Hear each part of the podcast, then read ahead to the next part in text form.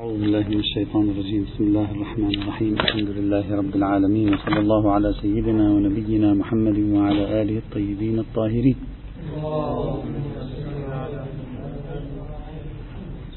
لا بأس بالتوقف اليوم عند رواية سبق أن تعرضنا لها في فيما مضى. ليس في هذه السنوات سابقا. ولكنها ذات صلة ببحثنا وهي رواية شيعية آه، تبدو بالنسبة إلينا الآن عندما نقرأها مثيرة للدهشة ووقع نزاع شديد بين العلماء في تفسيرها واختلفت الاجتهادات في فهمها. وهذه الرواية يمكن أن يستدل بها على أن الإمام أيضا يمارس سد الذرائع يعني يفتي على قانون سد الذرائع وبالتالي يمكن لشخص أن يضمها إلى الروايات التي مرت معنا. هذه الرواية هي الخبر المعتبر عن شعيب الحداد. قال طبعا الرواية رواها لنا كل من الشيخ الطوسي والشيخ الكليني الشيخ الكليني في الكافي والشيخ الطوسي في تهذيبه واستبصاره. شعيب الحداد في خبره المعتبر هذا قال قلت لأبي عبد الله الصادق عليه السلام رجل من مواليك يقرئك السلام. شخص من شيعتك يبلغك السلام. وقد أراد أن يتزوج امرأة قد وافقته وأعجبه بعض شأنها. رأى امرأة وأعجبته ويريد أن يتزوجها وهو شيعي من مواليك يريد رأيك. طيب أين المشكلة؟ وأعجبه بعض شأنها وقد كان لها زوج كانت متزوجة هذه المرأة فطلقها ثلاثا على غير السنة. طلقها طلاق غير طلاق السنة. طلاق. الآن هو المعركة هنا الآن. سيأتي ما ما المراد بهذا الكلام. وهم طلقها طلاقا على غير السنة. وقد كره من هو الذي طلقها زوجها الأول؟ زوجها الأول كانت متزوجة زوجها الأول طلقها طلاقا على غير السنة. الآن هذا الرجل الجديد الشيعي يريد أن يتزوج هذه المرأة. وقد كره هذا الرجل الذي من مواليك أن يقدم على تزويجها حتى يستأمرك. يريد أن يأخذ أمرك في هذا يتزوجها أو لا يتزوجها. حتى يستأمرك فتكون أنت تأمره. يعني أنت الذي تأمر تزوج نعم سيتزوج. إذا قلت له لا فلن يتزوج. فقال أبو عبد الله عليه السلام هو الفرج وأمر الفرج شديد ومنه يكون الولد. يعني يوجد نسل وتوجد ذرية. الآن محل الشاهد الذي هو في نفسه محير. الإمام يقول ومنه يكون الولد ونحن نحتاط فلا يتزوجها. وقعوا في حيث وضيف كيف الإمام يحتاط هذا لأن احتاط فقيه يحتاط. يقول نحن عندنا احتياط في الموضوع لا يتزوجها إمام يحتاط. ما معنى هذا؟ وقع معركة هنا في تفسير هذه الرواية. هل المورد هو شبهة موضوعية؟ هل المورد هو شبهة حكمية؟ ما هو المراد من كلمة فطلقها على غير السنة؟ ما معنى هذا الكلام؟ هذه الرواية قد يستدل بها على أن الإمام يمارس سد الذرائع. يعني كأن الإمام يقول هذا إن تزوجها كأنما من الممكن أن يقع في شيء مرفوض. نحن نحتاط في هذا الأمر. وإحتياطنا يعني ممارستنا للاحتياط هي نفس ممارسة سد الذرائع. توجب علينا أن نفتي له بأن لا يتزوجها. فيمكن فهم هذه الرواية على أن المراد منها أن الإمام احتاط. ما معنى احتاط؟ يعني سد الطريق. احتاط في الأمر حتى لا يقع الحرام. ومقتضى احتياطه الإفتاء بحرمة التزويج. فلا يتزوجها. هذا إذا صح هذا التفسير الآن سنرى هذا التفسير معقول أو لا. إذا صح هذا التفسير تصبح هذه الرواية مثل الروايات التي مرت بالأمس. يعني نفس الإمام يمارس سد الذرائع. هكذا سيكون المعنى. إذا ما صح هذا التفسير أصلا هذه الرواية تكون خارجة عن موضع بحثنا إطلاقا. نريد نعرف ما معنى هذه الرواية. أصلا ما معنى أن الإمام يقول ونحن نحتاط؟ ثم يفتي فيقول فلا يتزوج نهاه عن عن الزواج. الإمام مفترض يقول له هو الفرج وأمر الفرج شديد ومنه يكون الولد فلا يتزوج خلاص فتوى. يعني نحتاط ما معنى؟ في سياق التفسير طبعا هذه رواية أحادية معتبرة الإسناد. ما في نقاش في سندها. مصدرها أيضا من كتب الأربعة. من مصادر الدرجة الأولى. في تفسير هذه الرواية توجد احتمالات متعددة وتفاسير قيلت. سأذكر بعض ما تيسر فاقرأوا ما تيسر منه. حتى إذا الوقت سأسعفنا نريد أنهيها اليوم يعني. إذا أسعفنا الوقت نقرأها كلها. ما أسعفنا؟ لا بأس. الآن غدا نبدأ بالدليل الاستقرائي. فقط لأهمية الرواية وغرابتها ونظر إلى كونها قد تتصل ببحثنا في وجهة نظر لا بأس هي في نفسها غريبة تحتاج إلى تفسير. التفسير الأول وهو التفسير الذي يستوحى من كلمات الشيخ الطوسي على ما جاء في الاستبصار. الشيخ الطوسي قال الإمام عليه السلام هنا في كلمة فنحن نحتاط يخبر عن حالته الشخص عن حالته الشخصية. يقول أنا في مثل هذا المورد لو كنت مكانك أنا أحتاط أنا شخصا أحتاط في هذا الأمر. لو واجه شيئا الإمام من هذا القبيل لا يقدم على الزواج من امرأة طلقت طلاقا على غير السنة. وهو يقول أنا شخصيا أحتاطها مش احتياط في مقام الإفتاء. أبدا لا يوجد احتياط في مقام الإفتاء. احتياط في مقام الإفتاء يصادم الاعتقادات الشيعية. شو يعني يحتاط فيها شو ما يعرف الحكم الشرعي هو. إما يعرف الحكم الشرعي أو ما يعرف الحكم الشرعي ما يعرف الحكم الشرعي مشكلة. اعتقاديا على المستوى الإمامي يعرف الحكم الشرعي؟ لا يعرف الحكم الشرعي لماذا يحتاط لذلك الشيخ الطوسي ترك القضية على المستوى الإفتاء. لم يجعل الاحتياط إفتاء. لم يقل أنا أحتاط واحتياطي هو لا تزوجها. لا يقول أنا شخصيا أحتاط في هذا الموضوع. طيب. فالاحتياط هنا جاء في مجال الفعل الشخصي لا في مجال الاحتياط في الفتوى. هذا مهم بالنسبة للشيخ الطوسي عقائديا. طيب. لماذا الإمام يحتاط؟ الآن ما زال الكلام للشيخ الطوسي. لماذا الإمام يعني يا أخي لماذا أنت أنت تحتاط؟ لماذا أنت تحتاط؟ تركنا الفتوى. لا توجد فتوى. أنا أسألك أنت أنت على المستوى الشخصي لماذا تحتاط؟ شيخ الطوسي يجيب يعني بلسان حال الإمام يقول والإمام يحتاط سبب احتياطه أن ما صدر من هذا المطلق قد لا يكون جامعا لشرائط الطلاق. مثل أن يكون الطلاق قد وقع في الحيض. احتمالية أن يكون ذلك الشخص قد طلق طلاقا غير جامع لشروط الطلاق الصحيح.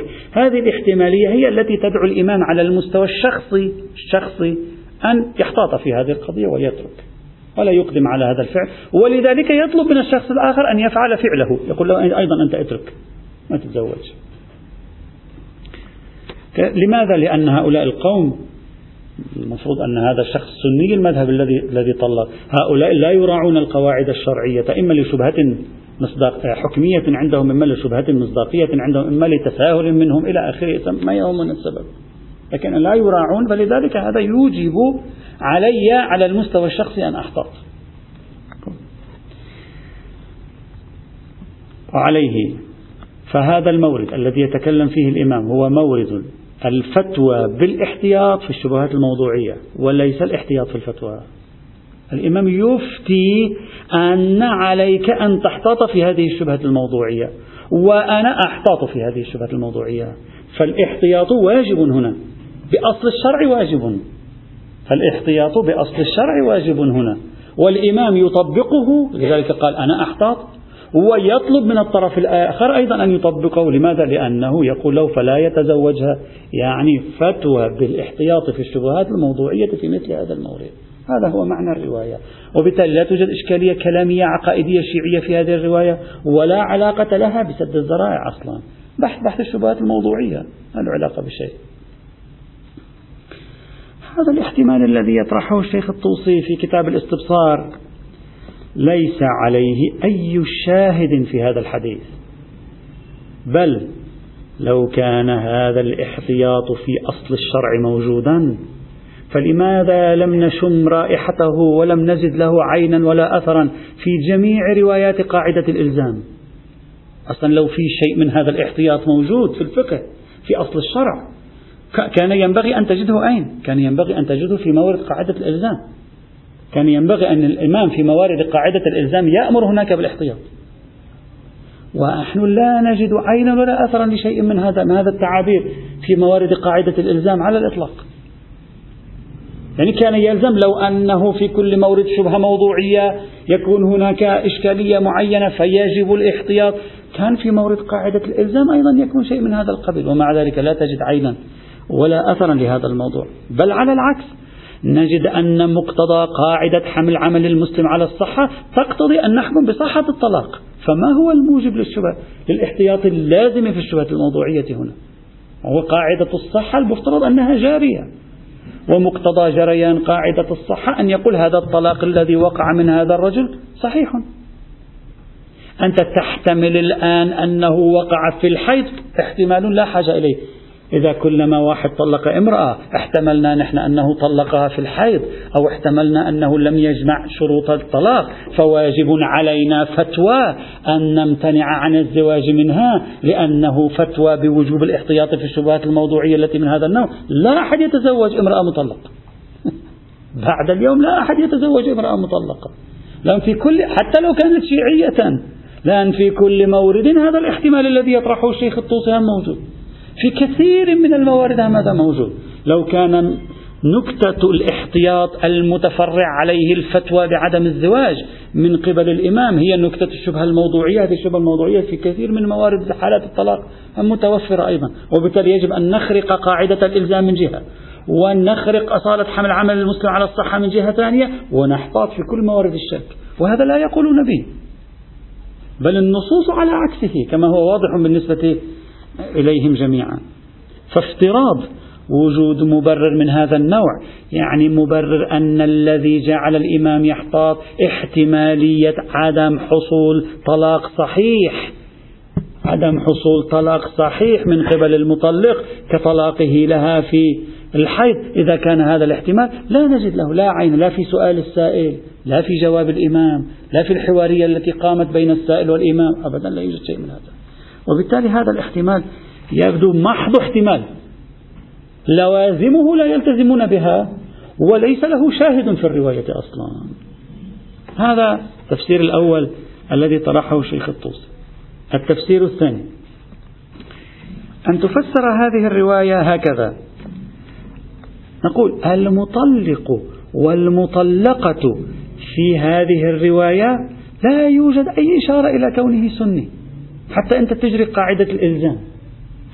في إشارة ما في كلمة سني يقول وقد كان لها زوج فطلقها ثلاثا على غير السنة وقد كره أن يقدم على تزويجها حتى يستأمرك. فما في إشارة إلى سني وغير سني. بحث قاعدة الإلزام ينبغي حذفه هنا لا توجد أي إشارة. ممكن يكون سني ممكن يكون إمامي. زيد نعم زيد فقد يكون إمامي. وليس من الضرورة أن يكون سنيا. طيب. إذا كان إماميا يقول الرواية تريد أن تفتي بوجوب الاحتياط في طلاق الإمام لامرأته إن كان طلاقه على غير السنة. هذا حكم خاص. ليس له علاقة بقاعدة الإلزام. أصلا المورد ليس مورد الإمام غير الإمام. مورد الرواية شخص شيعي طلق زوجته على غير السنة. الإمام يقول يجب عليك أن لا تتزوجها.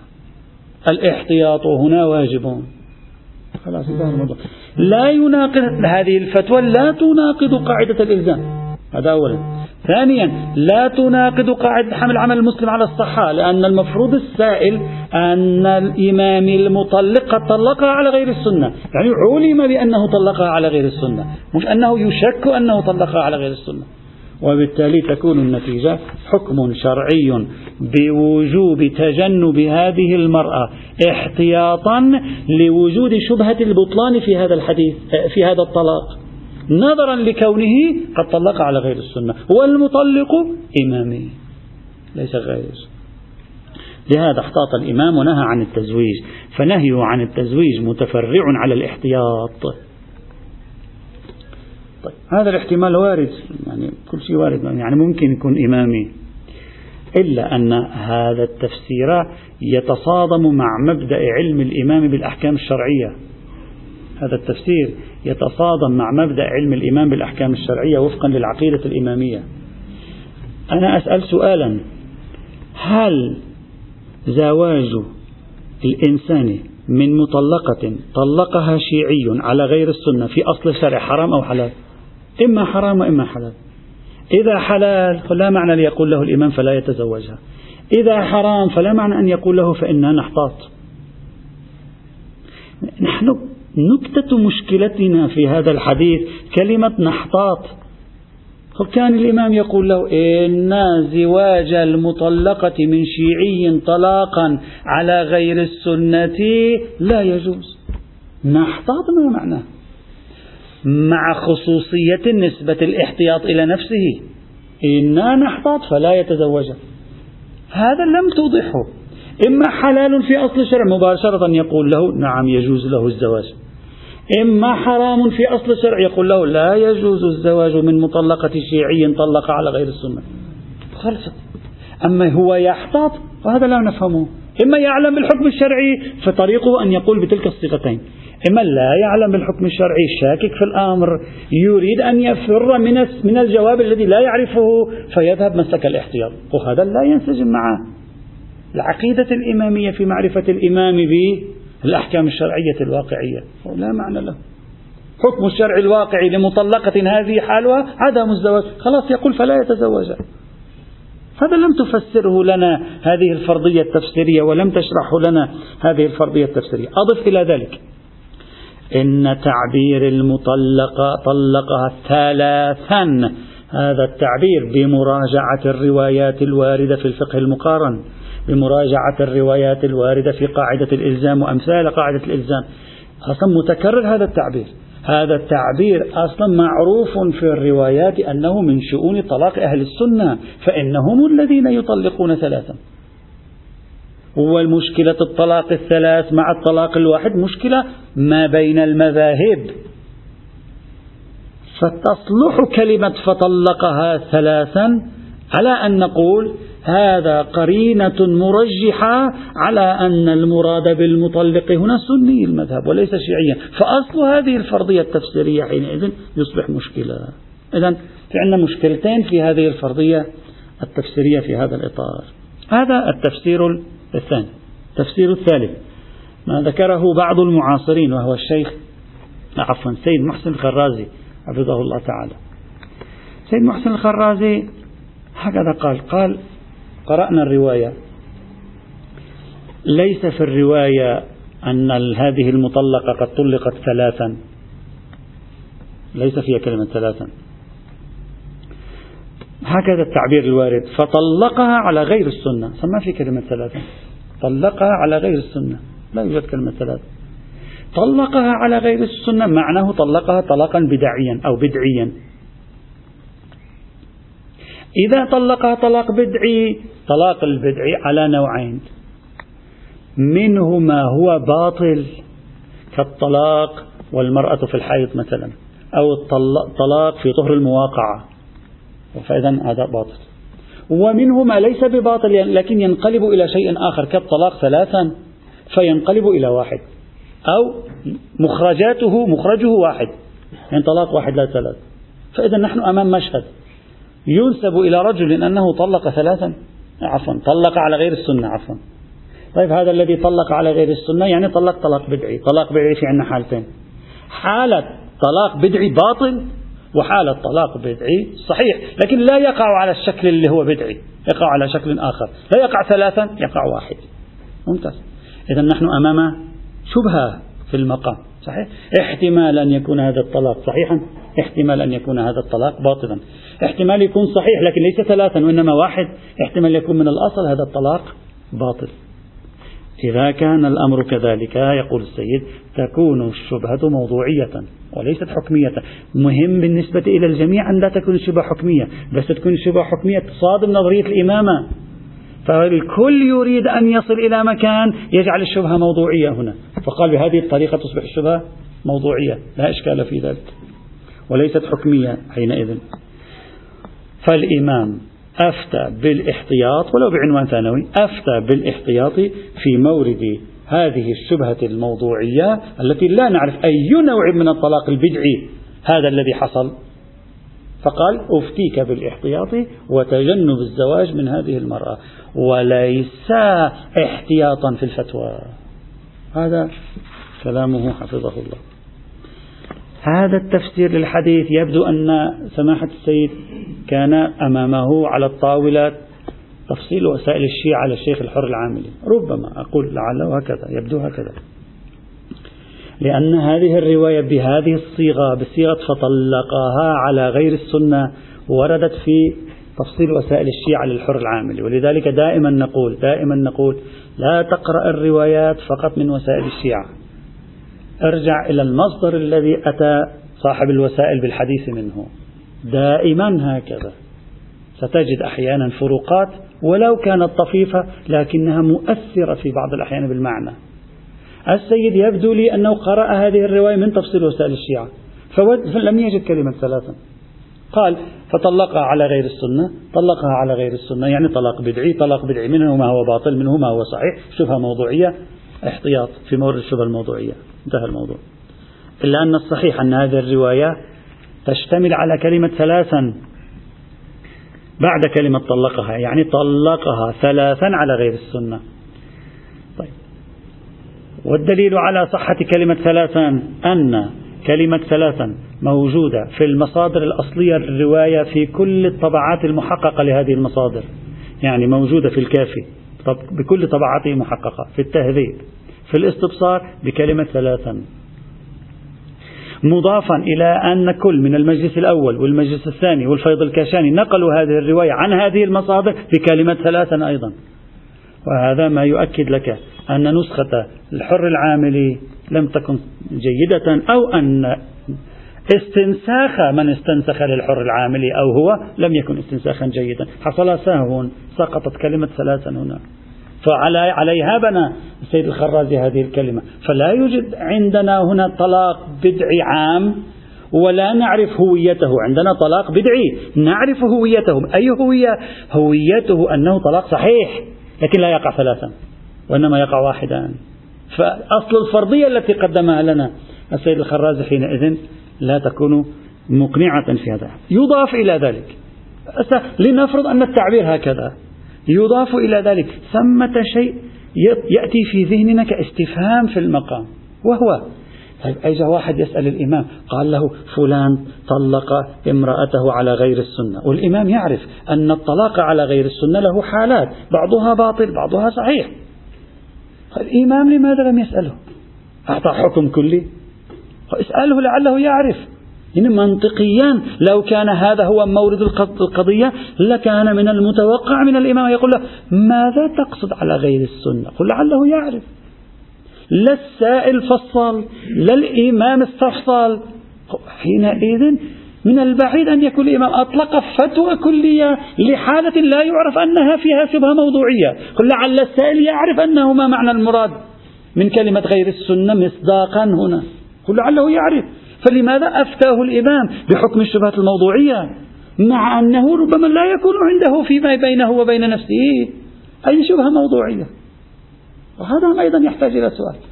نفس عدم استفصال الإمام من جهة نفس عدم تفصيل السائل من جهة يشككنا في احتمالية أن يكون السؤال كان كليا وبالتالي المورد كان شبهة موضوعية أو لا أقل يثير في ذهننا استفهاما. فإذا الإشكال الأول والإشكال الثاني يضعفان من إمكانية الاستناد إلى التفسير الذي قدمه سماحة السيد الخرازي حفظه الله تعالى. طبعا مضافا إلى التأييد بصحة بقاعدة صحة عمل المسلم. المفترض هذا مسلم ولا نعرف هل وقع طلاقه صحيحا أو لا. مقتضى مقتضى حمل عمل المسلم على الصحة أن نقول وقع صحيحا. وإلا في كل المعاملات والعقود تحتمل أنت هذا الاحتمال. التفسير الرابع. إذا هذا تفسير ثالث ذكر في المقام. التفسير الرابع. أن يقال بأن هذا وهذا تفسير فيه ظرافة أن يقال بأن كلمة طلقها ثلاثا على غير السنة كلمة على غير السنة ليست وصف للثلاثة وصف لطلقها. طبعا تختلف المعنى جذريا في اللغة العربية. إذا قلت طلقها ثلاثا وكانت كلمة على غير السنة متعلقة بثلاثا تكون وصف. يعني نفس الطلاق الثلاثي هو على غير السنة. فيكون السائل يسأل عن طلاق وقع هو الطلاق ثلاثا. يعني أنت طالق أنت طالق أنت طالق. أما لو أرجعنا على غير السنة إلى طلقها سيكون هذا الرجل قد طلق زوجته ثلاث مرات. في كل مرة طلقها على غير السنة. في كل مرة حصل الطلاق البدعي. يعني طلق على غير السنة ثلاثا. لا طلق ثلاثا على غير السنة. فما هو على غير السنة نفس الطلقات الثلاث. لا ثلاثية الطلقات. طيب إذا كان الاحتمال كذلك. إذا يكون ما هو على غير السنة ليس التثليث وإنما المثلث إذا صح التعبير يعني نفس الطلاقات ولما لم يتم تحديد مبرر البدعية هنا لزم الاحتياط. إذا هنا اقتربنا أكثر من احتمال أن يكون الطلاق البدعي من النوع الذي هو باطل. لأننا حذفنا الثلاثية التي تجعله صحيحا لكن تصيره واحدا. واقتربنا أكثر من احتمالية أن يكون هذا الطلاق من النوع البدعي الباطل. وهذا هو موجب الاحتياط. فالمورد مورد شبهة موضوعية والحكم هنا من الإمام إفتاء بالاحتياط في الشبهة الموضوعية التي من هذا النوع. الجواب صار واضحا. الجواب صار واضحا وهو أنه عدم سؤال الإمام عدم توضيح, توضيح السائل أي شيء عن طبيعة عدم كونه من السنة أي شيء هذا يبدو غريبا كما قلنا قبل قليل لا نطيل. يبدو غريبا. فضلا عن أن تعبير الطلاق ثلاثا على غير السنة أصلا أشبه بالعلم. أنت لو راجعت جميع الروايات الواردة في موضوع الطلاق ثلاثا على غير السنة تجد هذا التعبير أشبه بالعلم. والروايات الأخرى كلها تقريبا تتحدث عن ثلاث طلقات على غير السنة. يعني الثلاثية هي على غير السنة. ففصل هذا الحديث لوحده. وبتره عن سائر الروايات الشبيهة له في التركيب والتي تعني أن الثلاثية هي على غير السنة يبدو أيضا مرجوحا غير ظاهر من الحديث. لا ممكن لكن غير ظاهر من الحديث الإمكان موجود فضلا عن أنه ما زلنا نواجه أصالة نواجه ونعارض أصالة حمل عمل المسلم على الصحة. مقتضى القاعدة أن, تكون أن يكون هذا الطلاق صحيحا. وإن كان على غير السنة لأنه كما قلنا طلاق على غير السنة. بعضه صحيح بعضه غير صحيح. التفسير الساد الخامس. نحذف تفسير نجي للخامس السادس يعني الخامس. ما ذكره المحدث البحراني رحمه الله بشكل احتمال لم يتبنه لكن طرحه كاحتمال. ماذا قال؟ قال الرواية عبرت بالاحتياط لكنها قصدت الحكم. ما عندنا طريق بدنا نحلها. يعني ما نطلع من هون إلا منحلها ما في مجال يعني لازم تنحل فأراد المحدث البحراني يحلها. قال عبر بالاحتياط لكن قصد به الحكم يعني ونحن لا نفعل ذلك فهو لا يفعل ذلك لأنه لا يجوز أن يفعل ذلك. هذا هذا هو المقصود. القالب احتياطي المضمون حكم واقعي. هذه النتيجة. وهذا التفسير حتى الآن هكذا لا شاهد عليه لا, لا ندري ما هو هذا القالب الاحتياطي الذي يكون مضمونه عبارة عن حكم واقعي. لماذا يقال نحن نحتاط أصلا في هذا الإطار؟ لكن مع ذلك تعجب يعجبني هذا التفسير. وقد تجد له وجها في اللغة العربية. إذا سلخنا من ذهننا ما بدنا نحن نفهمه من كلمة الاحتياط. لا أريد أن أرجحه لكنه فيه حذاقة. فإن كلمة الاحتياط في اللغة العربية لا تعني المعنى الذي نحن نفهمه من كلمة احتياط اليوم أصلا. الاحتياط في اللغة الاحتياط وضع حائط. أن تضع حاجزا بينك وبين الشيء. هذا احتياط. ليس الاحتياط الذي نحن نعرفه في الفقه وأصول الفقه هو الشكل الحصري لكلمة الاحتياط في اللغة العربية أصلا موجود. جذر كلمة الاحتياط إحاطة الشيء لحفظه. هذا معنى الاحتياط في اللغة العربية. نصب الحائط حول الشيء كي يحفظ الشيء كي يمنع عن الدخول فيه. عندما قال الإمام فنحن نحتاط أي نحن نضع بيننا وبين هذا الفعل حاجزا. يعني نحن لا نفعل هذا الفعل. الجذر اللغوي للكلمة هكذا معنى. إذا كان هذا معنى الجذر اللغوي أصل المشكلة تنحل في هذه الرواية. وبالتالي يكون ما فرضه المحدث البحراني معقول. وبه تعرف أن كلمة الاحتياط الواردة فيما يسمى بروايات الاحتياط التي انتصر لها الإخباريون. تلك الكلمة أيضا يمكن تفسيرها بذلك. في وجهنا لا أقول كل روايات الاحتياط يمكن لكن في وجه يمكن. ما معنى أن نحتاط؟ يعني أن نتجنب الشيء الذي هو حرام. فإذا كل ترك المحرمات احتياط حينئذ. حتى المحرمات المعلومة على في لوح الواقع. كله في اللغة العربية تكلم. في جذر الكلمة في اللغة العربية مما يصح للمتكلم العربي أن يقولها ويقول أنا أحتاط في هذا. ما معنى أحتاط؟ أي أضع بيني وبين هذا الفعل حاجزا. يعني لا أرتكب هذا الفعل. فيكون تعبير صحيح. نحن نحتاط يعني نحن لا نفعل هذا الفعل. إذا هو فليحتاط. يعني فلا يفعل هذا الفعل. تمام. إذا شخص قبل أن يكون هذا هو الموضوع فهذه الرواية لا هي احتياط في الفتوى ولا هي فتوى بالاحتياط ولا شبهة موضوعية ولا شبهة حكمية هي فتوى. احتياط احذفه جانبا حينئذ.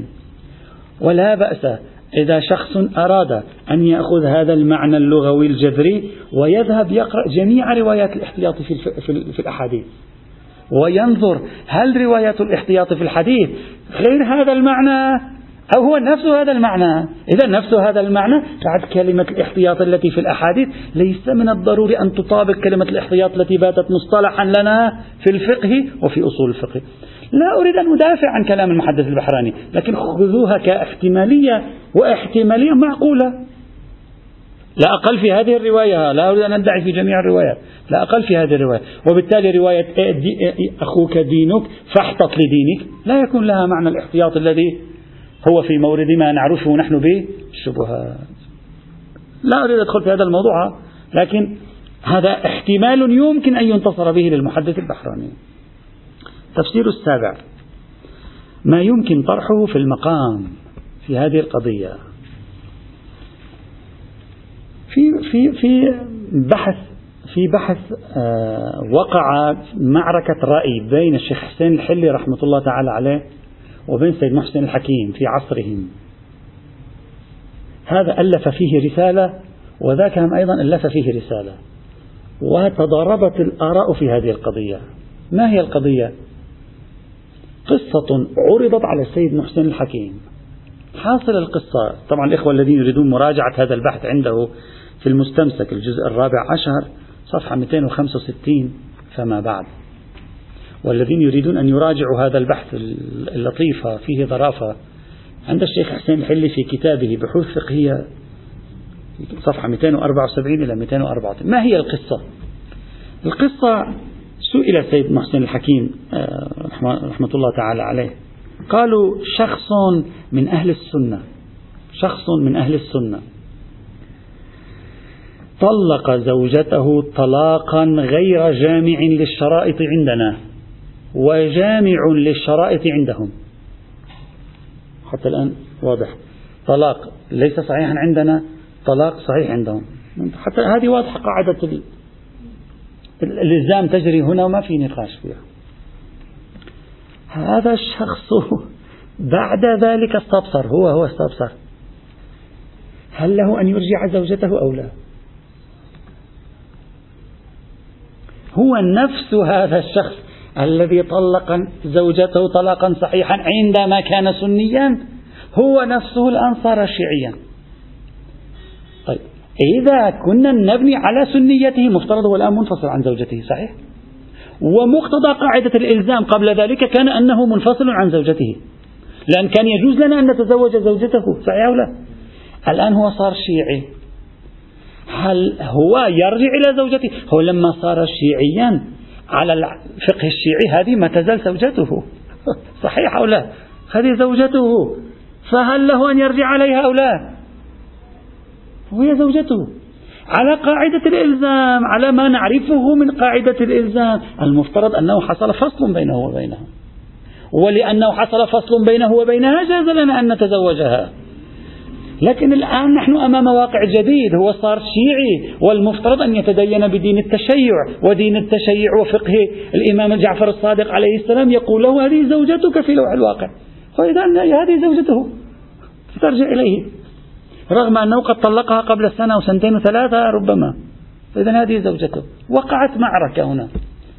هل قاعدة الإلزام مفادها إباحة الزواج للشيعي؟ من هذه المرأة. قاعدة الإلزام ماذا تقول لي؟ تقول لي هذا زيد السني الذي طلق هند. السنية طلاقه عندي باطل وعنده صحيح. لما أنا أعمل قاعدة الإلزام معنى قاعدة الإلزام أن الشريعة تحلل لي الزواج منها رغم أن طلاقه باطل في الشرع. يعني كأنما عندي حكم شرعي الآن يقول يجوز الزواج من امرأة ما تزال زوجة السني؟ ما تزال. في الفقه الشيعي ما تزال. ما تزال زوجة السني؟ يجوز لي أن أتزوجها وهي شرعا ما تزال واقعا زوجته؟ فقط لأنه سني والطلاق صحيح عنده. هذا مفاد قاعدة الإلزام. فنقول مفاد قاعدة الإلزام التحليل للشيعي. وليس مفاد أي حكم واقعي. مفاد أن تحلل له. وهذا ما ذهب إليه السيد محسن الحكيم. الشيخ حسين الحلي كتب الرسالة في الرد على السيد محسن الحكيم في ذلك. قال لا مفاد قاعدة الإلزام إنشاء حكم واقعي بالطلاق هنا. يعني واقعا حصل الطلاق. عندما يحصل طلاق غير شرعي من سني هذا الطلاق عنده شرعي واقعا الشريعة تعتبره أنه شرعي. وبالتالي لا يجوز لهذا الزوج بعد تشيعه أن يرجع على زوجته إلا بعقد جديد. بينما عند السيد محسن الحكيم يجوز لهذا الزوج بعد تشيعه أن يرجع على زوجته الأولى. صحيح أو لا؟ فإذا وقعت معركة بين سيد محسن الحكيم وبين شيخ حسين الحلبي في هذا الإطار. رسالتين جميلتين يعني ليس مفصلة بحثين جميلين في عدة صفحات عند كل واحد منهما لطيفة في فكفكة حقيقة قاعدة الإلزام هنا. في أنها تنشئ الإباحة أو هي تنشئ حكما واقعيا بوقوع الطلاق في هذه الحال. هذه أتينا بهذه الفكرة لكي نبحثها لكي نستفيد منها هنا. بعد إحنا الفكرة ما نحن لا نبحث في الطلاق الآن. أتينا بها لنستفيد منه إذا واحد بنى على هذه الفكرة إذا بنى على هذه الفكرة سيكون نهي الإمام هنا. اترك القصة خلصنا من القصة. الآن نسوي شت داون للجهاز نرجع قصة نرجع للقصة الأصلية. ذاك الذي الشيعي الذي أراد أن يتزوج امرأة طلقت ثلاثا على غير السنة. نرجع لرواية شعيب الحداد. نفسرها الآن في ضوء هذه المعركة الجديدة في قاعدة الإلزام نقول مراد الرواية نهي الإمام له عن التزويج احتياطا وحيلولة دون وقوعه في أمر يستحسن عدم الوقوع فيه. لأن إذا تزوجها فهو يحل له أن يتزوجها ولكن في واقع الأمر هو يتزوج زوجة شخص سني. بناء على تشخيص سيد محسن الحكيم. في واقع الأمر هو يتزوج زوجة. لكن تسهيلا على العباد حل له أن يتزوج. لأن أولئك يقولون هذا الزواج صحيح. فالإمام هنا نهاه احتياطا وإن كان يجوز له ذلك لكن قال لا ينبغي أن يفعل مثل هذا الأمر فإنه وإن كان جائزا لكنه في حقيقة زواج بمتزوجة في جوهره يعني المفروض أن ذاك الطلاق باطل. بدعي ذاك الطلاق مثلا إذا بني على ذلك. لكن هذا التفسير أيضا صعب صعب أن, أن نفهمه في هذا الإطار. أولا يحتاج أن نحمل الرواية على الاحتياط الاستحبابي وكلمة فلا يتزوجها ينبغي أن نحملها على الاستحباب مع أن ظاهرها الإلزام. هذا خلاف الواقع.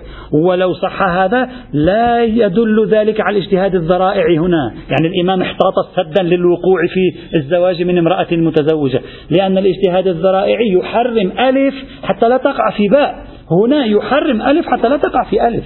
يعني يحرم الزواج من هذه المرأة المتزوجة واقعا حتى لا تقع في زواج امرأة متزوجة واقعا. فلا يوجد اثنينية الوسيلة والنتيجة حتى نطبق هذا الفهم حينئذ على سد الذرائع. لأن هذا التفسير يمكن أن يساعد في فرضية سد الذرائع. وعليه وعليه. التفسير الثامن أخيرا تفسير الثامن. إما أن تقول هذه شبهة موضوعية وإما أن تقول هذه شبهة حكمية. إذا شبهة حكمية فهذه تصادم المسلمات العقائدية عند الشيعة. لا معنى في حق الإمام أن يكون أمامه شبهة حكمية. إذا كان المورد مورد آه، شبهة موضوعية فحينئذ لابد أن نقول مورد مورد شبهة موضوعية. وحيث أننا لا نعرف ما هي هذه الشبهة الموضوعية نقول الإمام ألزم في هذه الشبهة الموضوعية بالإحتياط. والإحتياط في الشبهات الموضوعية لا يضر بمقام إمامة حينئذ. إما أن تأخذ بالتفسير الأخير أو تقول الرواية مجملة عندي لأن أمرها صعب أو تقول لا مانع أهل البيت يكونوا في بعض الأحيان يحتاطون في الفتوى. إذا أنت ما عندك مشكلة في هذا الموضوع مثلا عقائديا. أو نذهب إلى تفسير المحدث البحراني. على كل التقادير هذه الرواية لا تدل على أن الإمام استخدم قانون سد الذرائع. فلا يصح الاستناد إليها لإثبات أن نفس الإمام أفتى بشيء عملا بقانون سد الذرائع.